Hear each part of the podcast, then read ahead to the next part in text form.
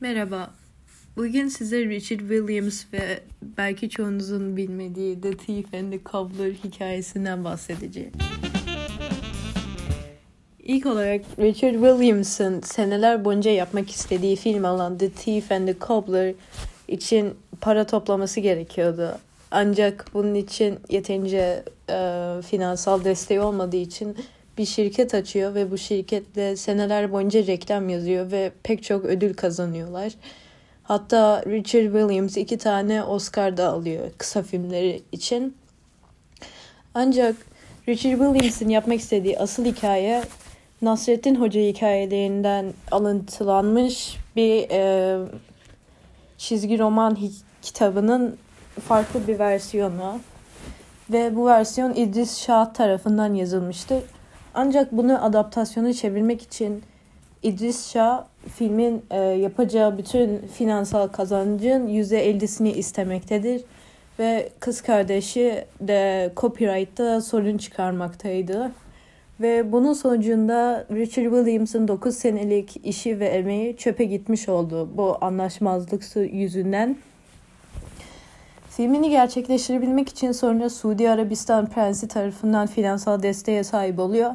Ancak iki kere filmin ilk kısmının taslağını teslim etmeye geciktirince e, Suudi Arabistan Prensi bu finansal desteği kesiyor. Seneler boyunca pek çok reklam filmleri yapıyorlar ve bununla beraber yeni animasyon teknikleri deniyorlar. Bu teknikleri bazılarınız biliyor olabilir. Um, Who Framed Roger Rabbit ve Space Jam'de gördüğümüz animasyonu live action yani gerçek aktörlerle ve mekanlarla harmanlayan yeni bir teknik oluşturuyorlar. Hatta Sp- Steven Spielberg de bu tekniğe ilgi duyuyor ve bunun sonucunda Richard Williams iki tane Oscar alıyor.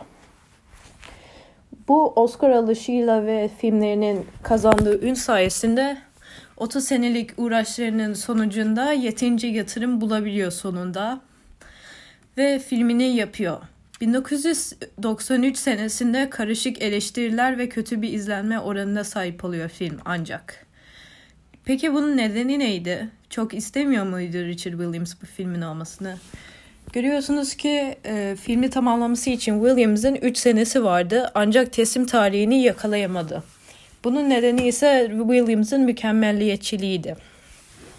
Mesela örnek vermek üzere sadece renklerini sevmediği için 3 ay süren bir resmi çöpe atması, bazı beğendiği sahneleri daha da uzatması ve filmin süresinin devamlı uzaması ve storyboardları bitirmeden filmin prodüksiyona başlaması gibi pek çok hataları olmuştu filmi yapım sürecinde. Ancak bundan daha da değişik bir şekilde 1992 senesinde Alaaddin filmi çıkmıştı. Ve bu iki film arasındaki alakayı bili- bilmiyor olabilirsiniz filmi izlemediğiniz için. Ancak kısa bir araştırmadan sonra göreceksiniz ki Alaaddin filmi ve The Thief and the Cobbler filmi arasında çok ama çok fazla benzerlik olmuştur. Bunun sebebinin stüdyolar arası ajanlar olduğu söyleniyor ama henüz bunu bu konuda e, elde edebildiğimiz bir kaynak yok. Ve Aladdin filminin hem daha mainstream e, kitlelere hitap etmesi hem de daha büyük bir prodüksiyona sahip olması sonucunda The Thief and the Cobbler filmi bu şekilde e, gölgede kalıyor.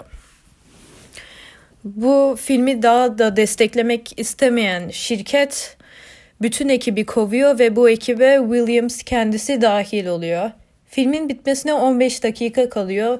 Peki bitmemiş bir filmi nasıl dolduruyorlar? Tabii ki o zamanların meşhur Kore animasyonları ve e, şarkılar yaparak aralıkları doldurup filmi o şekilde yayınlıyorlar.